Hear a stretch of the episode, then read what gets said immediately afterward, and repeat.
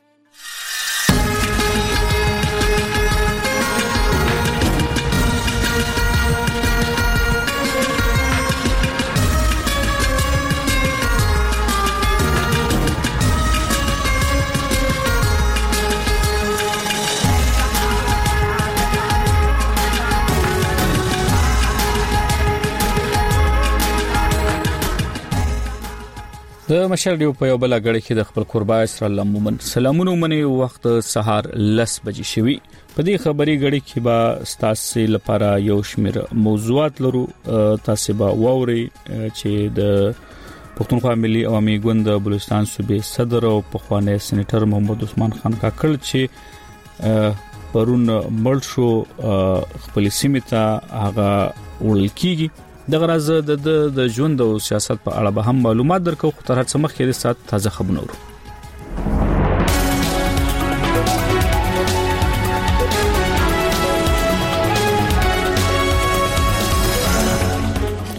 لومبه د مهم خبرونو سرټکی د پښتونخوا ملي عوامي ګوند د بلوچستان صوبې صدر محمد عثمان خان کاکړ مړې با نن په کلا سیف الله ضلع کې خپل پلارانی ټاټوبي ته ورسول شي پولیس وايي مفتی عزیز الرحمن د خپل جرم اعتراف کړي وایي چې پر خپل کار پښیمانه دی او پولیس وايي د جون په 21مه طالبانو په کندوز ولایت کې یو مهمه ولسوالۍ قبضه کړې او د خبرونو تفصيل د پښتونخوا ملي عوامي ګوند د بلوچستان صوبې صدر او پخوانی سېنیټر محمد عثمان خان کاکړ مړ به نن په کلا سیف الله ضلع کې خپل پلارانی ټاټوبي ته ورسول شي عثمان خان کاکړ چې د جون پر 28مه یې د کراچۍ په غخان روختون کې سا ورکړه نن یې مړ د لسګونو گاړو په قافله کې خپل سیمه ته وړل کیږي په قافله کې شامل د پښتونخوا ملي او میګون یو غړي سردار اغا مشال ډوتویل چې قافله کې ډیر زیات خلک دي نو کې دي چې نن د شپې نا وخته مسلم باغ ته ورسیږي نو موړ وای د عثمان خان کاکړ جنازه به سبا مازیګر 15 بجې په خپل پلارني ټاټوبي کې وي هغه زیاتوي چې د جون په 21مه هم نا وخت ډېری خلکو په کراچۍ کې د عثمان خان کاکړ په جنازه کې ګډون وکړ چې پکې د عوامي نېشنل ګوند پیپلز پارټي او مسلم لیګ نون مخکښ خان هم شامل وو محمد عثمان خان کاکړ چې د جون پر ولسمه نیټه په خپل کور کې جوبل شوی وو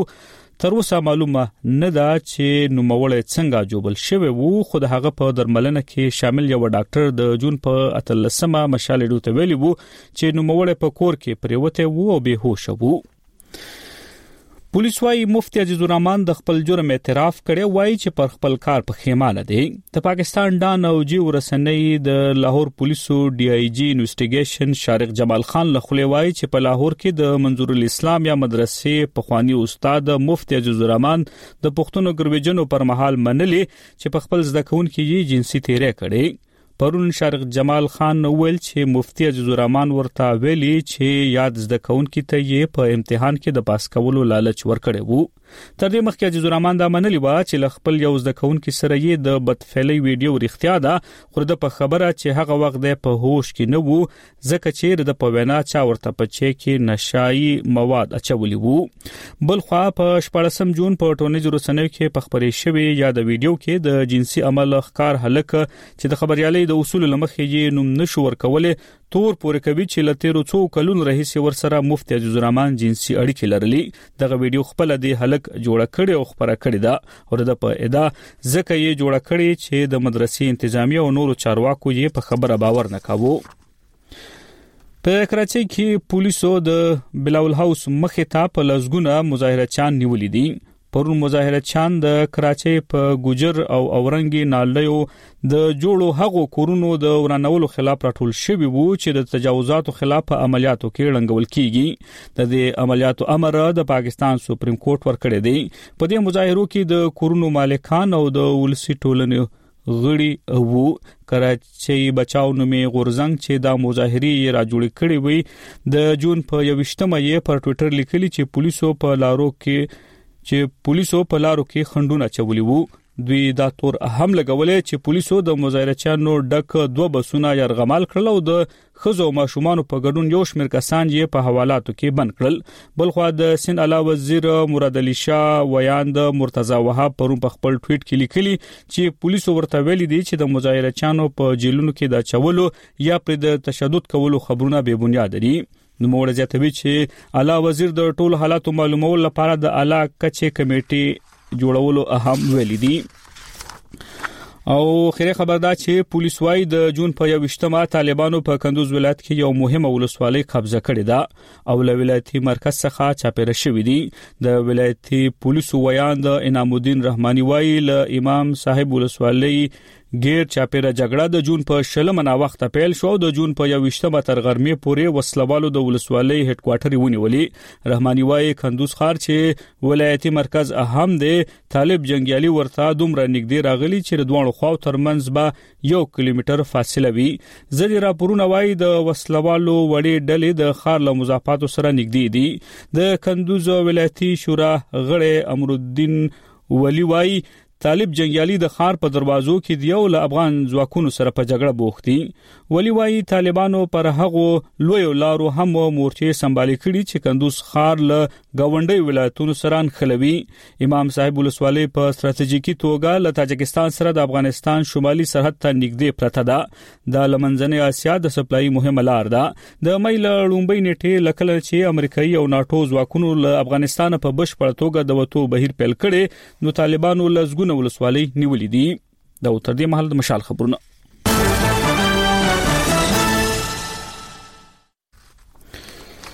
مشال لډیو ته غوګستي تاسو خبرونه واوریدل په دې غړي کې یو شمیر موضوعات لرو او تر هر څه مخکې راځو د تا لکه څنګه چې تاسو په خبرونو کې هم ورزل چې د پښتونخوا ملي عوامي ګوند بلوچستان صوبې صدر او پخوانی سېنیټر محمد عثمان خان کاکړ مړې با نن په کلا سیف الله ضلع کې خپل پلارني ټاټوبي ته ورسول شي عثمان خان کاکړ چې د جون پر 28مه یې د کراچۍ په اغا خان روغتون کې ساور کړه نن یې مړ د لزګونو گاړو په قافله کې خپلې سیمې ته وړل کیږي او د غراز زداسته دا هم وایم چې محمد عثمان خان کاکړ چې د جون پر ولسمه نیټه په خپل کور کې جوبل شوی وو تر اوسه معلومه نه ده چې نوموړی څنګه جوبل شوی وو خو د هغه په درملنه کې شامل یو ډاکټر د جون پر اتلسمه مشال ډیو ته ویلی وو چې نوموړی په کور کې پریوته وو او به هوښ وو هم پر دې موضوع مو لګه شی په مخ کې په کراچۍ کې له خپل خبريال نیازلي سره خبرې کړې او په سر کې مو ترې پوښتلې دي چې له کراچۍ د مسلم باغ پر لور د عثمان خان کاکړ مړ وړل کیږي په کومه قافله کې نو هغه قافله اوس کم ځای کې ده نو هغه په جواب کې وایي ډیره مننه چې مومن صاحب عثمان خان کاکړ چې پرون د کراچۍ په یو شخصي روغتون غا خان هسپتال کې هغه څا ور کړی و بیګا ماسپتن د کراچۍ په صدر سیمه کې د هغه جنازه وشو او د هغه وروسته هغه چې کوم پلان جوړ کړو چې نن سهار هغه وخت 15 بجو دي خو خلک ډیر زیاتو نو هغه دوه غنټې ساته وروسته یعنی و بجې نن سهار د کراچۍ څخه وتل او لکه څه حد مخکې چې په دغه کاروا کې کم خلک ور سره روان دي زما د هغه سره خبرو کې نو هغه وست سن چې کوم حدود دي د هغه نه وتی دی په بلوچستان کې په حب کې روان دي خلک ځای په ځای چې کوم دی هغه ته بلار کې ولاړ دی او بیا دا غو سره ډیر خلک چې د بلاري هم شامل دي نن ما هم هغه وی چې موږ به کوټه ته رسو کوټه کې به بیا دوی الته ادار کوي او سبا سحر به د کوټه نه د جلوس په شکل کې د کاروان په شکل کې د عثمان خان کاکړ مړی شری هغه خپل کارانی کلی مسکن باغ ته وړي کیږي هغه ګوند چې کوم اعلان کړی دی چې سبا مازیګر 15 بجې به دغه جنازه التهم ادا کیږي سم درته وایي چې پرون هم د عثمان خان کاکړ جنازه په کراچۍ کې ادا شو کداغه په اړه هم معلومات ورکې زمونږ اردوونکو ته مننه بوي بیګا ماسوتن د عثمان خان کاکل جنازه په کراچۍ کې په صدر سیمه کې ادا شو په هغه کې د عوامي نېشنل ګوند د کراچۍ چې د مشر دی شاهي سید ورسره سره د مسلم لیګ نون ګوند سېنیټر دی نهال هاشمي او د پیپل ګوند چې صوبایي وګړي هغه په کې هم شرکت وکړ ورسره سره د جنت علماء اسلام مولانا فضل الرحمن ګوند چې کوم دی دا غوي جنرال سیکرټري او نورو د کراچۍ ډیرو غړو په ګڼ شمېر کې هم ګډون وکړو سره سره د پښتونخوا ملي واندي کوم چې په کراچي کې دي او بیا عام خلک چې هغه د عثمان کاکل سره مين لرله مینوالو هغه هم په ګڼ شمیر خلک کې راغلي او په سلګونو خلک وو چې هغه په جنازه کې موږ دل چې دا کوشش کوو چې هغه دا هغه هغه اخیری دیدار او هغه ویني خو ډیر زیات رشو د هغه وجه ډیرو خلکو د هغه دیدارونو په جنازه کې ضرور چې کوم دې ګډون کړی او په کراچي کې زموږ خبرياله نیازلی تاسو ته معلومات درکول چې د پښتونخوا ملي او میګوند د بلوچستان صوبې صدر او پخوانی سېنیټر محمد عثمان خان کاکړ مړې به نن په کلا سیف الله ضلع کې خپل پلارنی ټاټوبي ته ورسول شي هم دې موضوع کې پاتې کیږو عثمان کاکړ له د پښتونخوا ملي عوامي پارټي صوبایي مشر وو خود نو موړي ملګری وای تر دې چوکۍ پورې د رسیدو تر شا د هغه د لسیزو مبارزه ده هغه په پا پاکستان او افغانستان کې مېشتو پښتنو کې ډیر زیات مشهور وو د هغه پر مړینه په دواړو هیوادونو کې مشرانو سیاستوالانو او فعالانو خفګان څرګند کړی دی پر دې اړه عبدالحی کاکړ یو راپور برابر کړی دی چې د عثمان خان کاکړ سیاسي ژوند ته پکې کتنه شوې رپورټر د ویرجنو په غک پیلېږي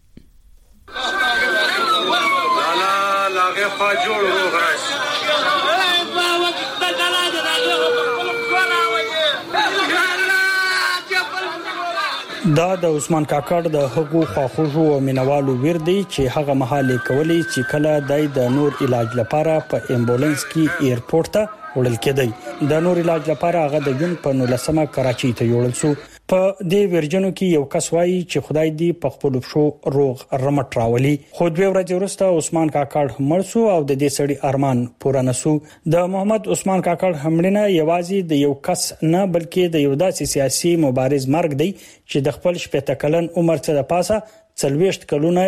له کوره د باندې تیر کړیو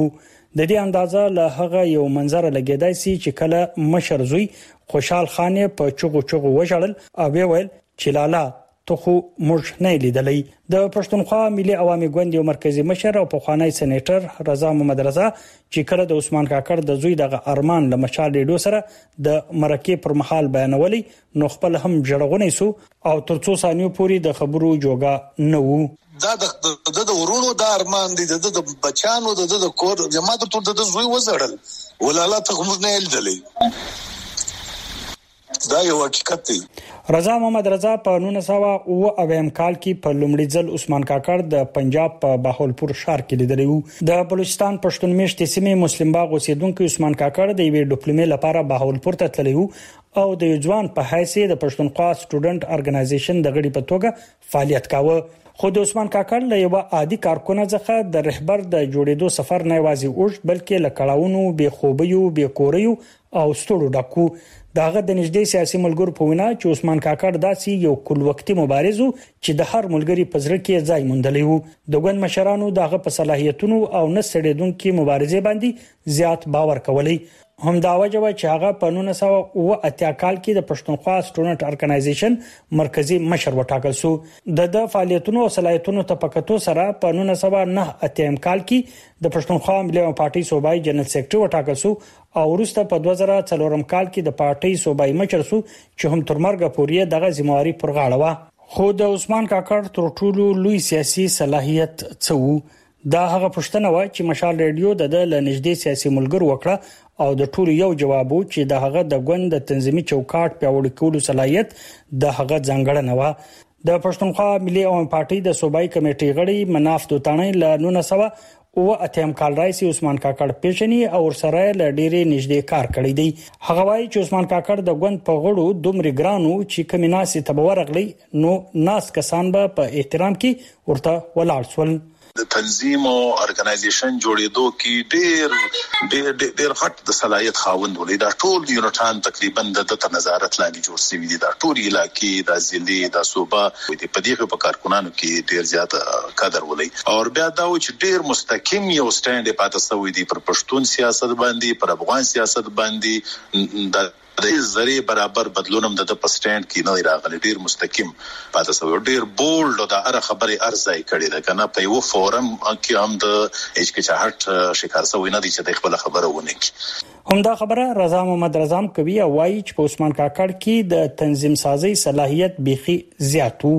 ګوره ده تر ګردو لوی خوبی دا وو چه دا یی دی د تنظیم سازی کی ده ته یو یو یو یو بلا صلایت هسی ده بلکل ګوا په یونټونو جوړولو کی په کانفرنسونو منظم کولو کی لوی لوی کانګرسو کی دا یی د هغی په نظم و ضبط کی په ډسپلن کی او ده به هغه ته چه کوم رپوټ وړاندی کاوه ددی خپلو مبارزو ده به دا دومره په نوټس کی ساتلی وو دا ټول شیان د یوی یوی مبارزی د پارټی د هری ورځی دا به ده ریکارډ ساتلی وو چې پارټی دا مبارزه کړی ده د پارټی سره دا مشکلات پیش شوی دی دا زموږ دوست قوتونه دی دا زموږ دښمن قوتونه دی ځکه دا صلاحیت ډیر د بلیا صلاحیت پکې موجود وو. د هغه په ناروغۍ او مرګ د افغانستان او پاکستان سیاستوالانو، سیاسي څېړونکو او نورو عادي خلکو ډېر خپګان ښودلی دی. مناف دوطاڼی وايي چې له هغه سره د خلکو د مینې یوه لویه وجه دا وه چې عثمان کاکړ تر لسیزو پورې له خلکو سره په تماس کې پاتې شوی وو خو د پوینا هغه وخت نور هم مشهور شو چې کله په 2015 کال کې د پاکستان د سېنات غړی شو د د پوینا حالت چې کومې ویناګانې وکړې او په ټولنیزو رسنیو لاس په لاس خبرې شوې نو د نور هم شهرت وموند سېناتر عثمان خان کاکړ صاحب چې پارلماني لیډر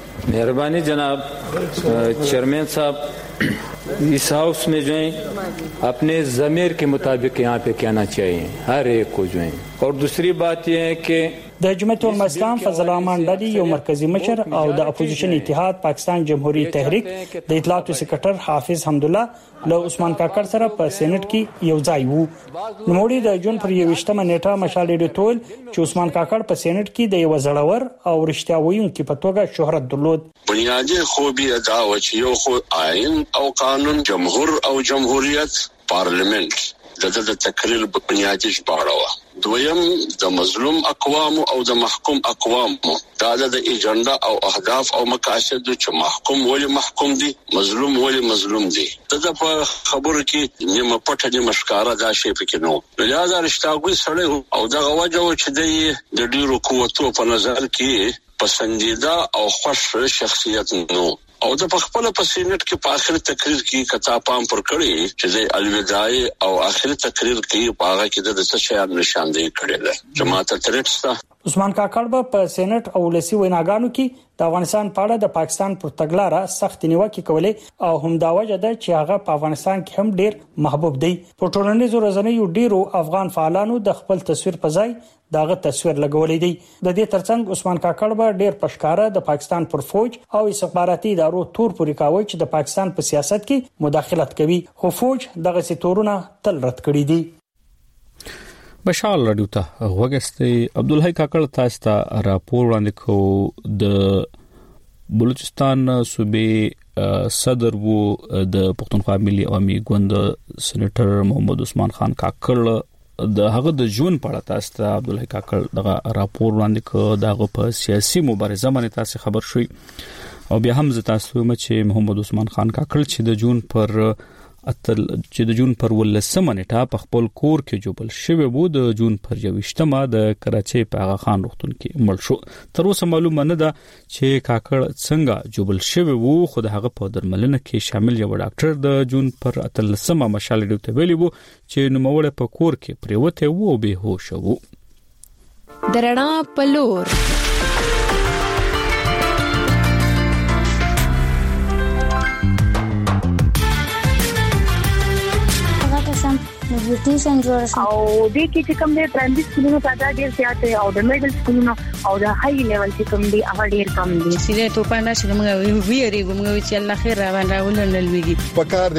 کوم زمونږ خور لور ده هغه مونږ سکولونو ته ولېګو مونږ ستراتیژي دا چې د اولنی کال نیم کې مونږ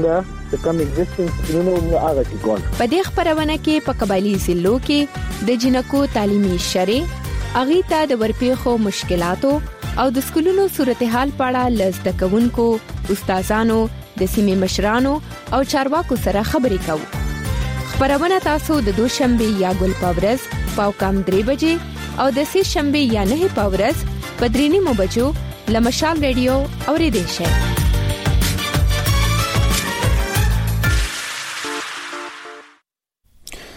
اردوونکو په بلوچستان اسمبلی کې د حزب اختلاف ولس د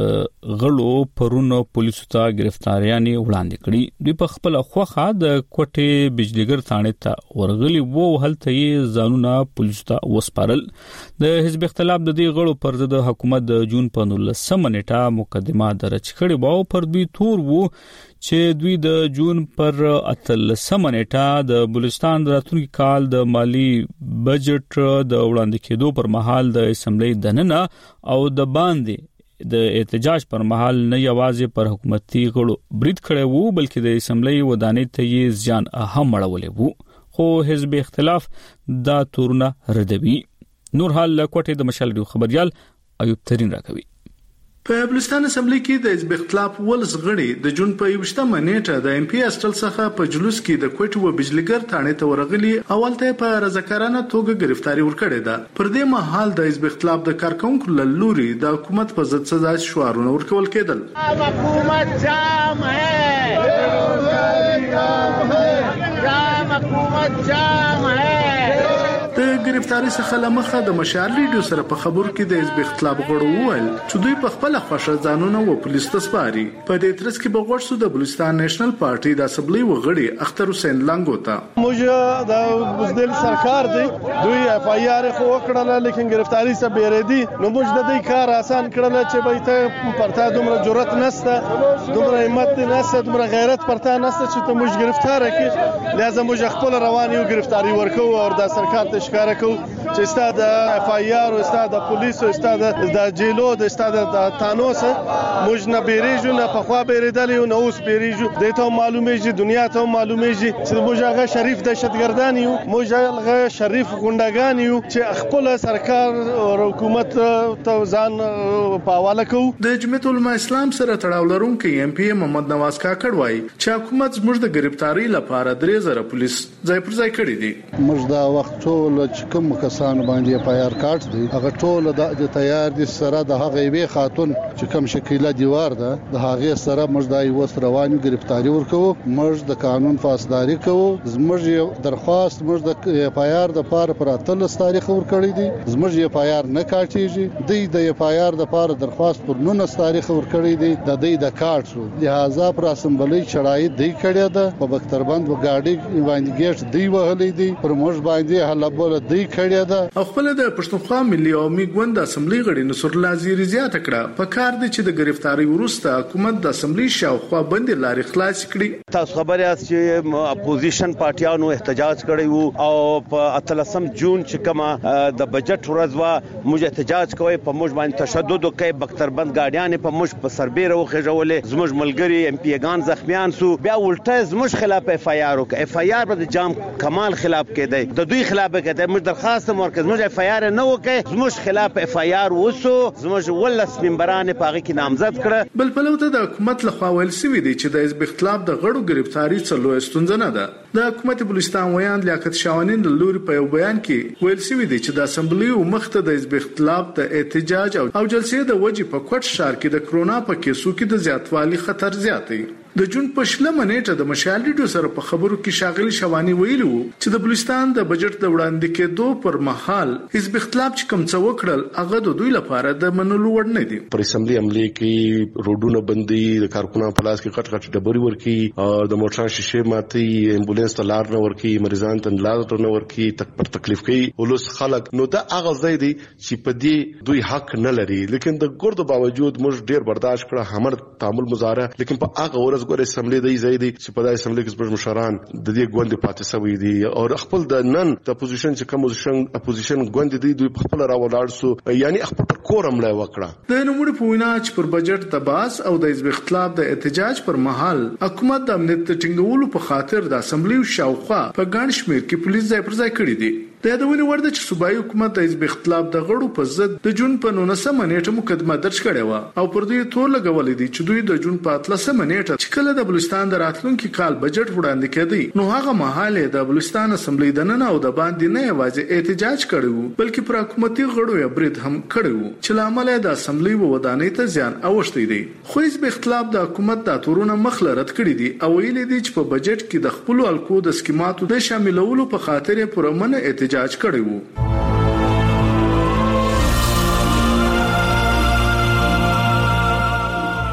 تور تمونه دنیا په وجود کې راغل د مننه شو آغاز شوی دی په هر دور کې د خپل سوار نوالو لړمانانو کورني کړي دي چر سو اپین سو یا پوډر شو یا ستنو ته خبر لاړه. اول د خوند لپاره چې بیا ورباندې مخته شي او بیا ډېر بد حالاتو سره مخ شي. او تر ټولو خطرناک چې دی دا ټیم د ایس نشه ده. ایس جسماني طور سړی نه خرابوي لیکن دماغي طور یې بلکل مفلوج کړي. د کلي علاج دی د علاج بعد به موږ دوی ته یو هنر زده کوو. دوی ته به موږ د ژوند یو سټایل ور زده کوو چې ژوند پر دا طریقه کېږي او د ژوند د هر مشکل سره جنګ پر دا طریقه کېږي. د مشال رادیو اونیزه خبرونه تورتمونه هر شنبه یا خالی د پیښور پر وخت سهار لسمه بجې او هر سه شنبه یا نه د مازیګر پر درې نیمه بجې له احمد شاه اعظمي اوریدل شي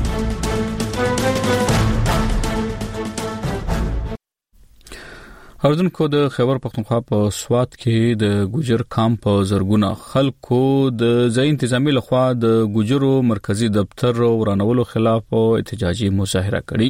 اجرا چونکي وایي چې د تجاوزاتو پر ضد د عملیاتو په ترڅ کې د ګجر کام په رجستر زمکه آباد د دوی لید لوی دفتر ورانول وران کړل شوې دی دی وای حکومت دې دغه دفتر بیا ودان کړي احتجاج کوونکو ورستا د فزاګټ نه منګوري پورې احتجاجي لاریون هم وکړ بل خو ځلې انتظامیه وایي چې دغه ودانۍ نه قانون واو د لړکیږي ګجر سیکریټریټ ته لوړاندې نوټس هم ورکړی وو تفصیل له سیمې د مشرډیو خبريال نیاز احمد خان راکوي چې د مزارچانو په غږ پیلېږي د دې قام نه معافي وغواړه کنه دا هغه قام دی چې دې ګوره چې دې دې ځان دشمن کو نه ګوره دا به ځان ته غټه مسله جوړه د سواد په پزاکټ کې د سید په غاړه راجمشي په زرګونو د ملکن ډیویژن ګجر قام احتجاجي مظاهره کې د صوبایي حکومت په هغه کاروای سخت د خپګان او غوسې څرګندونه وکړه چې د جون په پنځلسمه نېټه ضلعي انتظامیې د ګوجر د ملکن ډویژن مرکزي دفتر وران کړی و. مظاهره کوونکي وایي چې دغه رجسټر ځمکه وه او بې سا نوټسه حکومت ورانه کړې. د تحصیل مټې ګوجر اسوسییشن مشر جهانزیب وایي. ګوجر سکرټریټ کو بحال کرو بحال کرو. د سټام او باقاعده د پرد کتونیز مکه ده دا څه نه قابضه ده نه د زور قبضه ده نه چرته کې د حکومت نه قبضه ده خپل ذاتی زرخرید زمکه دا 368 کانال زمکه دا په 368 کانال کې رضا خان اته کانال زمکه د قوم د پاره وقف کړی و اوس د مونږ وایو چې دله دی یو منصفانه کمیټه مقرر شي د سین ندی پیته کې دي کچره دا 2500 فوټ کې وو نو کمشنر صاحب دا زیاته کړی دی کله روډ نه په 200 فوټ کې وو نو کمشنر صاحب زیاته دی کړل د ګوجر ایسوسي ایشن مرکزي مشر حاجي جلات خان زیاتوي چې دغه وداني د تیرو څلورو کالو راسي آباده وه پکې به ګوجرو قامي مسلو او ستونزو غونډې کېدلې او دغه وداني د ټول قام په ګډه وه ګوجر قوم ګوجر اتحاد ګوجر سیکریټریټ درې چاته پاغه کې فرنیچر وو پاغه کې د دنیا څه د سہولتونو چې میلمه د کم نه براتله د تمامو میلمنو هغه شی پکې هغه د سہولت د پاتې کېدو هغه د دې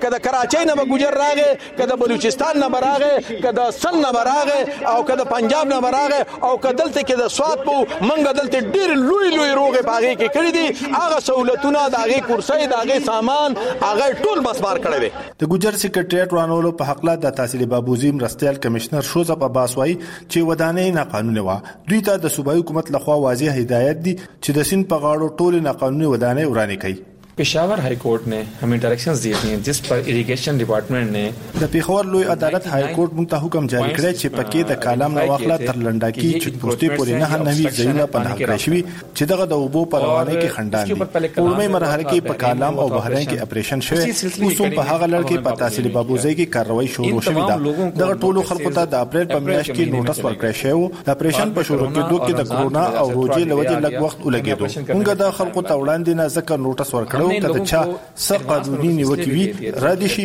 مونږ سره دې خبره وکړي دې کې څوک هم نه دي راغلي ان میں سے کوئی بندہ ہمارے پاس نہیں آیا دہشت گردی غنڈہ گردی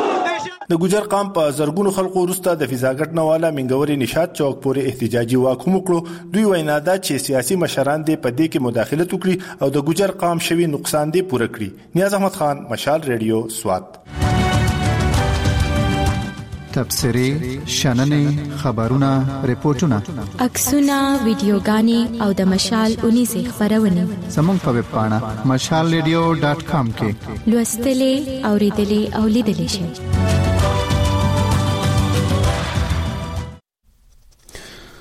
مشال رادیو ته وګسته اوس وخت شوه لسنیمه بجې د دې سات د خبرونو مهم ټکی ورو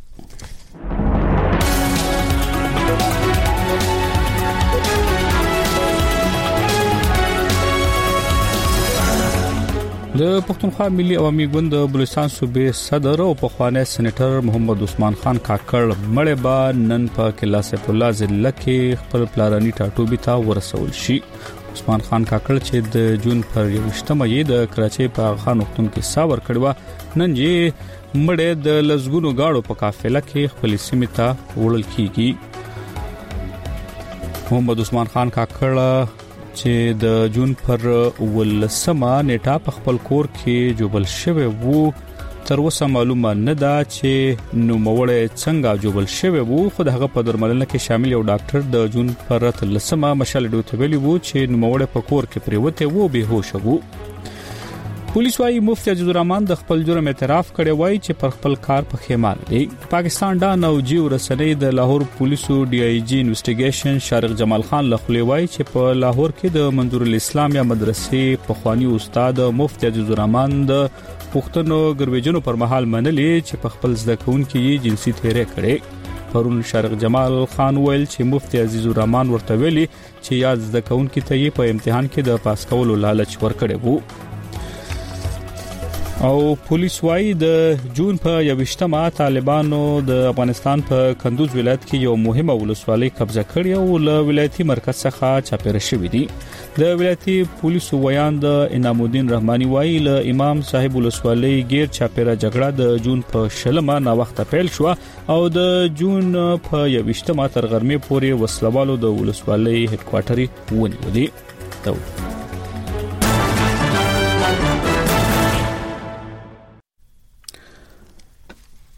خبرونه مو واوریدل او اوس هم لجمن سره سم ورسېدل د اونیزه خبرونه حجري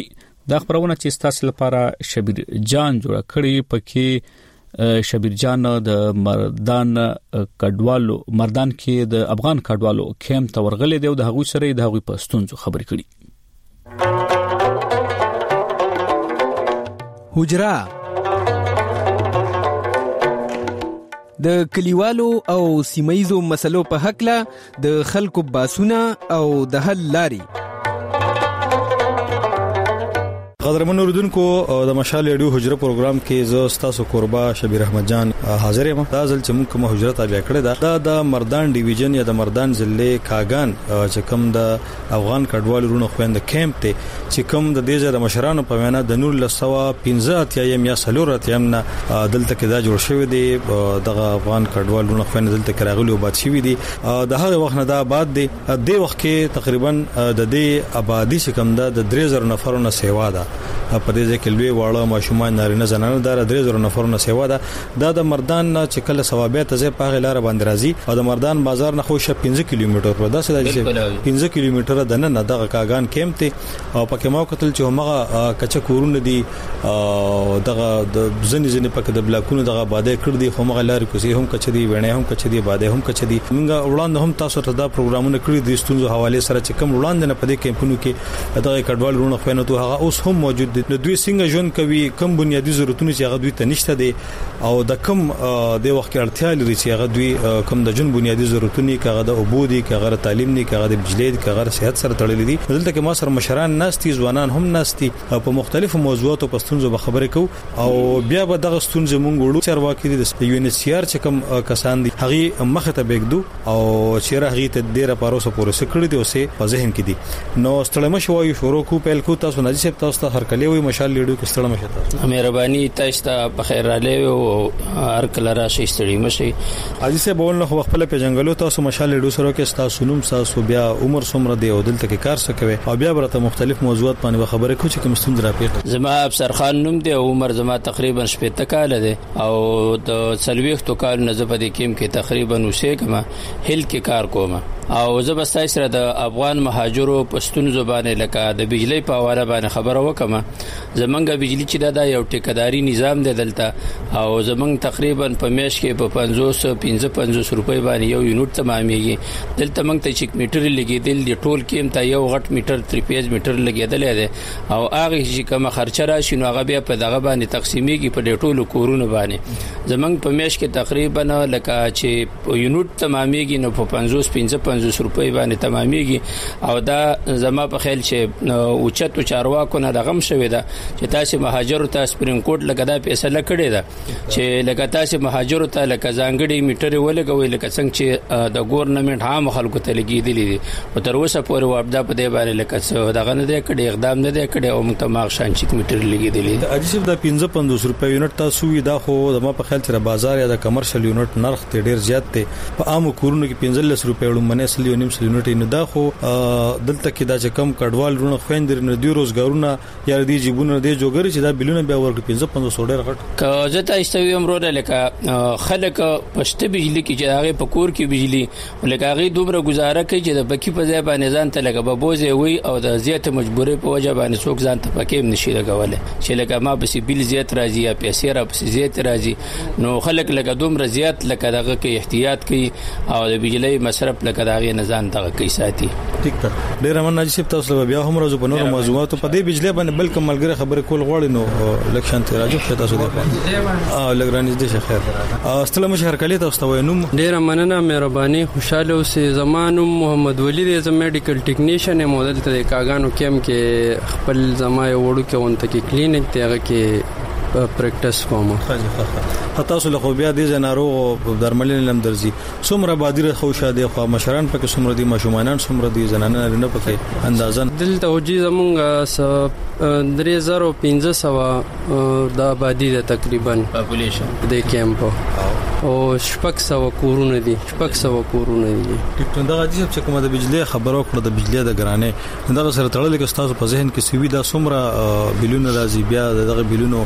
اکثر دا سره چې موږ په خپل علاقو کتلې بیا خلک قرضونه کوي یا تنه بجلی کټ شي نو په دغه حواله سره دا هجی زمونږ بجلی باندې مخ کې نه دا مسلې روانې دي ډېر زیاته ګرانه بجلی و نو دا سه ډېر خلک دي چې لکاغي برداشت کول نه شو لغي کټ کړي دا اوس کنه ډیر کورونه دي چې غریبانو بالکل بجلی کټ کړي ده د خرچې د وجې برداشت کولې نشو او اوس چې کم کسانو لګولې غي مجبوریان دي کور کې وته بیمار دی یا بل څه مسله ده نو غي په دې ګرمه کې بغیر د بجلی بیا وخت نشي تیرولې نو د مجبورې نه لګیدلې او د سره سره تاسو وایي چې تاسو دلته کې کلینیک ته صحت سره تړلې خبرې دي نو د صحت سہولتونه سانتیاوي په دې کیمپ کې سره ودی د صحت هونن سبا چې کم دي نو دلته د نش برابر دي سہولتونه مخکې زموږ سره دلته یو بیچو د یونټ سی آر د سیډه د اف ایچ سی په نوم وګناغي د ډینټل او د ګاینی د ار یو شیز د ډاکټر ارس دغه میډیسن به ورکول پری لیب پکې نو دغه دغه چې کوم دی فیسیلیټیز مکمل اوس ختم شوی دی دلته صرف اوس په سنټر کې یو د ویکسینو دغه دی هغه په میاش کې یو ځل راځي نور پکې لکه یې سم نشته دی کارونه ختم شي دا د درې درې نیم زره خلک د دې چې مطلب د جوړ نه جوړ ضرورت راشي وخت به وخت د ماشومان د زنانو یا د مشرانو نو څه کوي بیا بس جی بیا ځان له بندوبست کوي او مردان ته لکه زمونږ تقریبا د 8-9 کیلومتر فاصله کې هسپتال ته ځي بس هغه ته ځان رسینو د سہولیاتو د پاره د سره تړلې نو سبا د کرونا ویکسین خبر راځي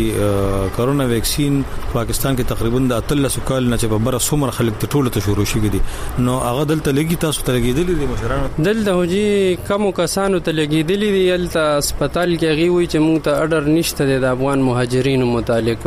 د کرونا ویکسین نو لکه کسان موږ لیږلي وو مو هغوی ته دا وایي چې یاره موږ ته چې کله اډر وشي بیا به تاسو ته لګو نو اوسه پورې لا فل حل چاته لګېدلی نه دي لا چاته لګېدلی نه دي هسپتال ته ورشي لا اجازه نشته او جی هسپتال ته ورشي هغوی وته یې موږ ته اډر نه دی شوی د ویکسینو ډېره مننه بیا به هم خبرې کوو قدرمن اورودونکو دغه د دې خبر تاسو پورې د صحت حواله سره چې کوم ستونزې ورپېښې دي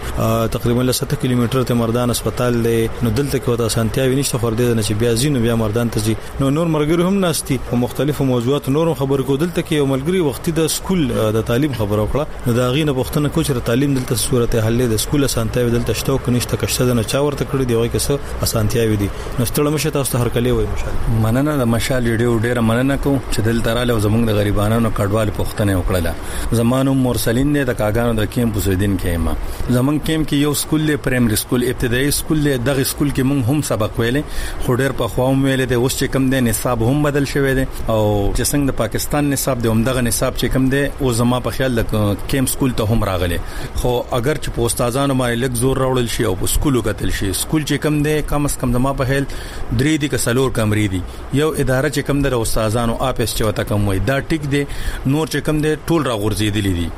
اس ار اس پی والا مخ کې راغلی ما سره د بدرې پیری میټینګ هم کړې په خپل باندې ما کتلې دي ګرځولې مې دي سو پیری وی چې وب شو بیا د کرونا وباراله په دې وجه باندې بس کسان لک شاته شوی دي نو کدا موږ ته د سہولتونو برابر شي د سکول نو ډیره بخي د الکانو جنکو چې کم دی کنه دوانه پکې مکس ناشتي نه کدا چې تزان لشو نوم ډیره بخي او شمیره به څومره د ماشومان زده کوم ير د ماشومان زده کوونکو شمیره مخکې ډیره و خو د دې په حواله باندې چې د ما کوم خبرې وکړي چې لکه سکول را غورځېدلې دي اسانتیا وینښته نو دغه نه زیات تر ماشومان چې کم دي نو موږ د سوړاندې سکولونه د کم اس کم شپږ سو غاز کیلومتره کې تقریبا پراتري نو موږ غي سکولونه ته زیات تر ماشومان بوتلی موږ خپل خپل ماشومان په خپل موږ بوتلی نور سکولونو کې داخل کړي دي ته دغه پنځم پورې چې ویني بیا دلته کې نور سرکاري سکولونو ته ځي کم خاصه کم ځای بالکل سرکاري سکولونو ته ځي لکه مونږ په چا نیو کنه کو نه تنقید کو لکه ما په خپل هم ډیر ماشومان بوتلی ډیر زیات کمزوري اغه اکثر بیا مونږ ته و چې دا تاسو لاړ شئ د ایډیو e صاحب نه د خطر وړي عمر کم کوي چې مونږ په دریم کلاس کې داخل کو په دویم کې داخل کو نو زیات تر ماشومان اکثر د دین هم پاتې شي خواري وسره ونی شي نو که چرته په دې باندې لکه زمون اوس هم الحمدلله ډیر کسان شته کنه داسې نو چې دغه تعلیم په دغه معیار باندې برابر استادان راوستي اوس هم پکې داسې کسان به خه تکړه کسان پکې شته خو چې دې معیار باندې لږ زور راوړي نصاب بدل شوی دی مونږ کتل په خپل باندې نو چې په دې باندې لږ زور راوړي نو ډیره بخي دکتور دغه ماشومان او پلاران د دې روزګارونو د ژوند معاش ذریعہ سره زیات تر نو بعد دغه ماشومان او پلاران چې کم دي نو لړشي سبزی منډه تا کارو کې خټګ دا کارو نه کې بیا راشي چته یو غوا بیزه ساتلی بس چته هغه له غیا راوړي کنه بس نور امن دی سم نشته نو ماشومان هم ټول خراب شو بار ګرځي چارواکي راتلی شي په خپل کتلی شي نو کدا سیستم برابر شو نو خبر یو ماشومان ته بجلی سیستم نشته سولر چې پکې کم دی نو هغه خراب شوی ټول نو کدا نظام پکې برابر شو نو ډیر بخوي ټیک ته او د دونه واخري پښتنه د کوم د تعلیم سره تړلې د لوب ډیر ضروری د ماشومان لپاره دلته کې د ماشومان د لوب لپاره سمیدان صدا یا په سکول کې تنظیم شته چې هغه فارغ وخت لاړ شي مازیګر کې لوبه کوي دا نه جی مخکې تقریبا مخکې مونږ په دې سکول کې چې مونږ واړو مونږ به گیم کو زمونږ مخه تا اوس په سکول کې دا سیستم زما په خیال لکه چې به غشته نه او د زین نشته او نه مخه تا ګراوند شته کچته په دې ورځو کې پټي د غنمو نه خالی شي او وچ پراتی چاو بګړي نه بس دا ماشومان په غاړه ته لګي بس گیم کوي کنه نور سیستم نشته ډیر مننه ملګری دا خبره قدرمنو اوردونکو تاسو ور دې وخت شوه دې د وړې شندمه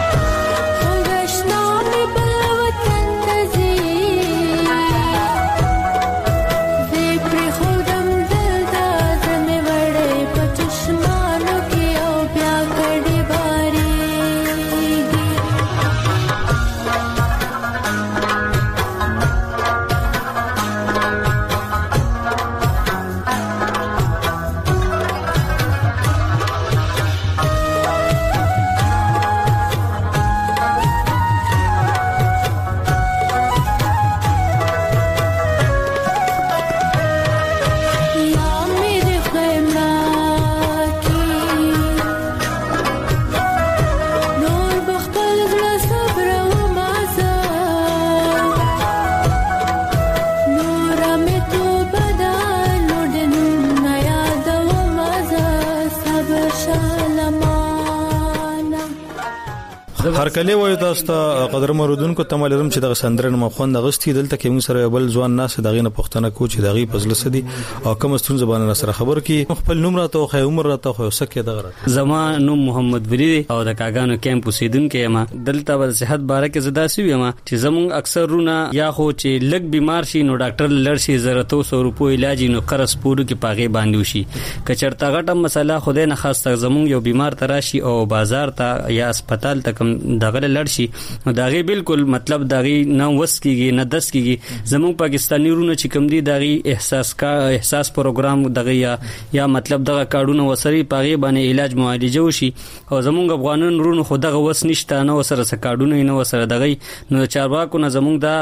هله دا مونږ سره اوسم یو بیمار شته د ګردو بیمار دی دلته موجود دی هغه ډایلیسز وته کیږي نو مونږ هغه دلته مردان هسپتال ته وړو ناغي مونږ ته وی چې مونږ ته د دې لپاره مطلب نه سر نوټیفیکیشن شوی د افغانو د لپاره او نه سبل څه مطلب شته دی کنه نو هغه غریبانان پرایویټ دغه کوي او د چانه قرض پورو کی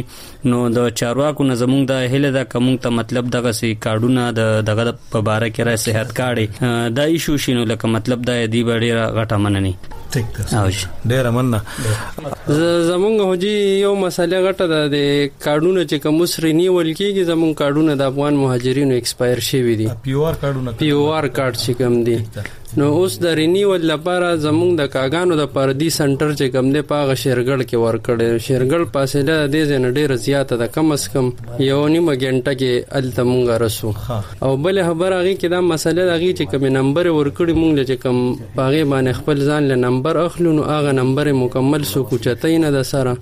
ټول روز وته کسان ناس تیږي پټرایا نه کوي هغه مصروف راځي نمبر نو دغه مسله که زمونږ حل شي دا سنټر مونږ تر نږدې راوړي مردان تر راوړي مردان سنټر زید نو دته د ارچا ارسو کو تراتلې شي او دا نمبر کوم ته پاسانه ملو شي دا طریقه کار صحیح کینو ډیر مننه بوي ته صحیح ده مننه عزیز تاسو په دې کارونو وختي خبره کوله تاسو بل پوهه مې چې مشر یې په دې ټولو کې نه په دې حواله سره لکه اوسه پورې زمونږ په کیمپ کې لکه ټول زما په خل چې دوه کورونه راجستر شوی دي پیوار کارډونه لکه هغه تللی دي لکه اوسه پورې یو قسم نور نه دی تللی زبر د کرونا په حواله باندې لګه خبره تاسو سره شریکه کما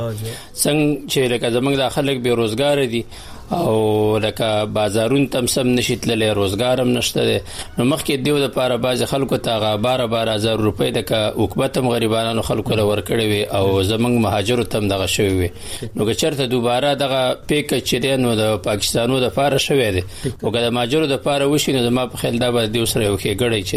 د خلکو یو مرسته به وشي ټیک ته چې دغه پیور کارډونو د مسله ډیره لګم زما په خیال مهمه ده نو دا چې نوی نو تاسو ته بیا ستونزې سوي کله چې ګرځ را ګرځ په پاکستان کې او ځای بل ځای ته ځدي مسلې مخه تر چې تاسو نو پیور کارت خو د انسان شناخت دی او چې لکه د چا شناخت نه نو لکه دا پته لګي چې یاره دا د کم ځای دی د کم ځای نه راغلی دی نو دا خو خامخا لکه انسان د ضرورت لري لکه د شپې مزي د ورځې مزي هر ټیم کې لکه د کور نه بار وتلې شي نور خارون ته شیدلل نو پیوار کار چا سره نه نو لکه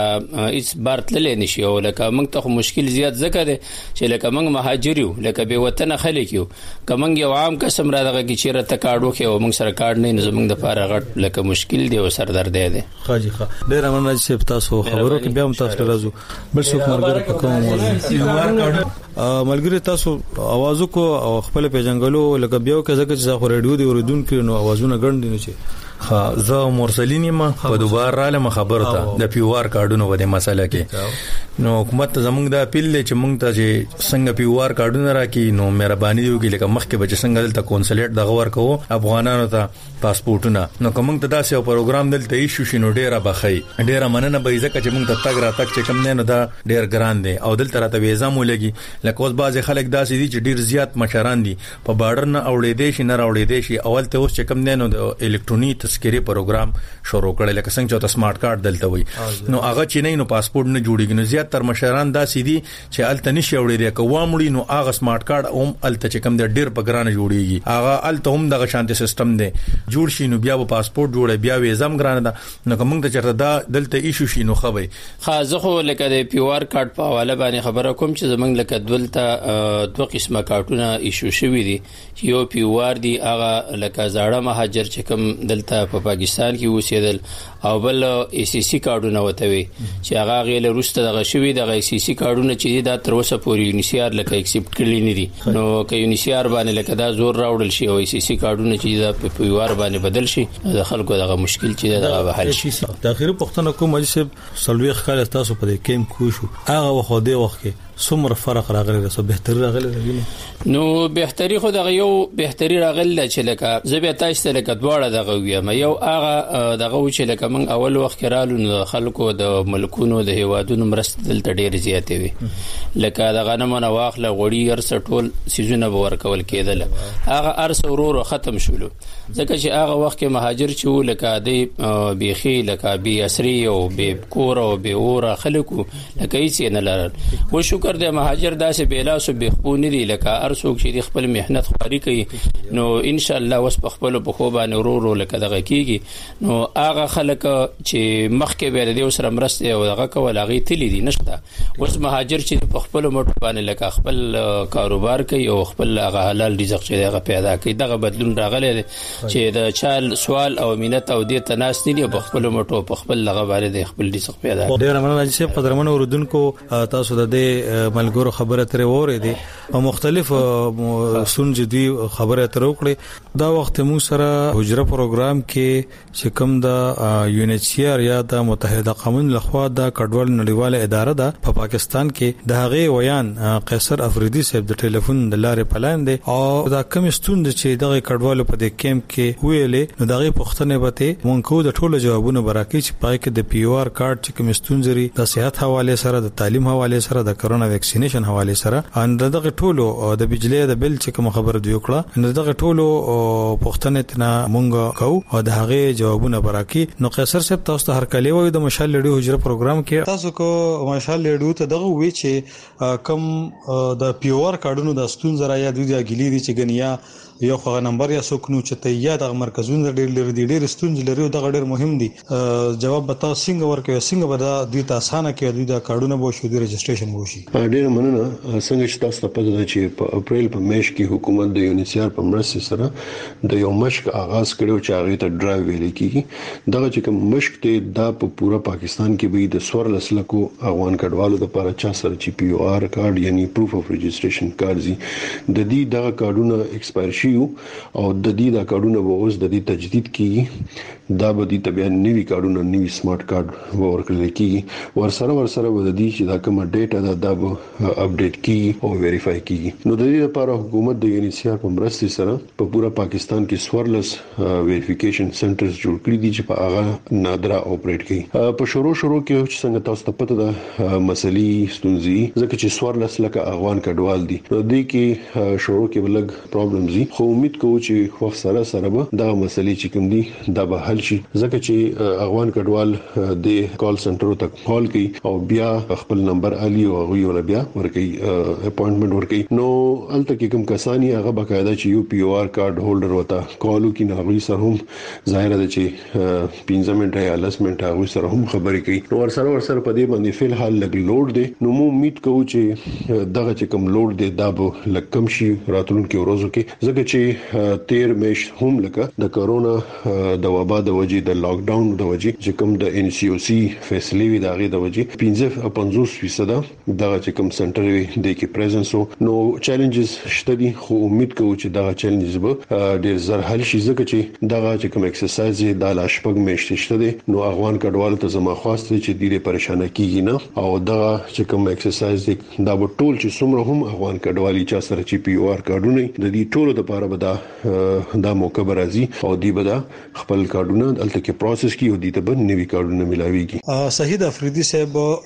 دغه د تعلیمي ستونزو لپاره به تاسو څه کوي یا سم کړی دي زموږ چې کوم ستراتیژي دا پلان دی هغه دا دی چې څومره هم پاکستانی پبلک سېکټر کولونه دي یا کالجونه دي یا د هیلث چې کوم فیسیلیټیز دي دغه موږ سترنګتن کو د دې لپاره موږ چې کوم فندینګ دی هغه چینلایز کوو لګیایو په مختلفو ذرایعو باندې ډونرز ملکونو ته هم موږ وایو چې وي دلته کې چې کوم نږدې نږدې د دې کلو سره کوم نږدې نږدې بي ایچ یوز یا چې کوم سکولونه دي هغه موږ هلته کې سهولتونه ورکو چې دا کډوال د دینه هم لکه مستفید شي الریډي د سلويختو کارونه موږ د حکومت پاکستان شکریا ادا کوو چې افغان کډوالو ته فری اکسس ورکړي دي د سکولونو ته هم او بي ایچ یوګانو ته هم په دې کې کوم رفیجی ویلجز یا په دې کلو کې دننه چې کوم سکولونه دي د هغي کې هم لکه زموږ کوشش هم دا دی چې په دې کې بهتري راولو او دلته کې پراپر موږ خپل چې کومه ستراتیژي ده چې کومه ګلوبل ستراتیژي ده هغه موږ امپلیمنټ کو دلته کې دغه چې کومه ما خبرو کده پبلک سکولز یا کالجز یا چې کوم دغه دي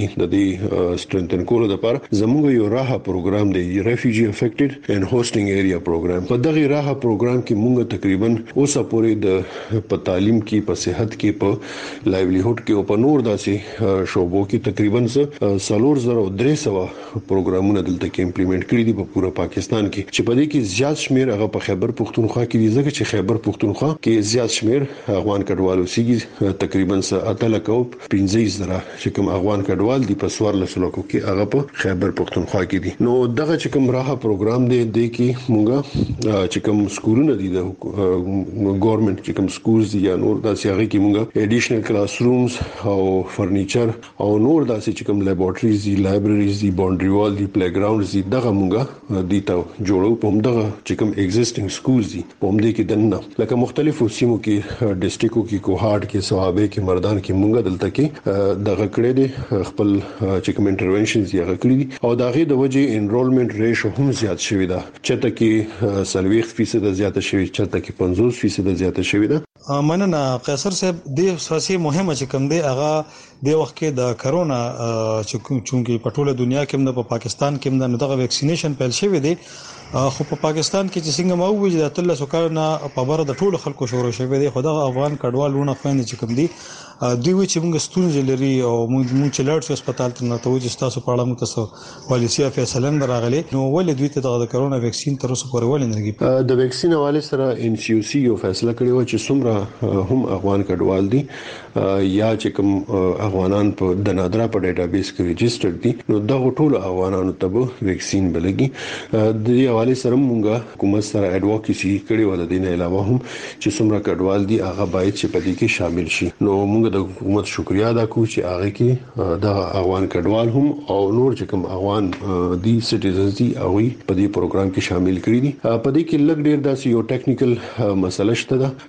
یو څو کسان ريجستره شوی هم دي او بعضی ته ویکسین له هم لګیدلې دي خو او دی حواله سره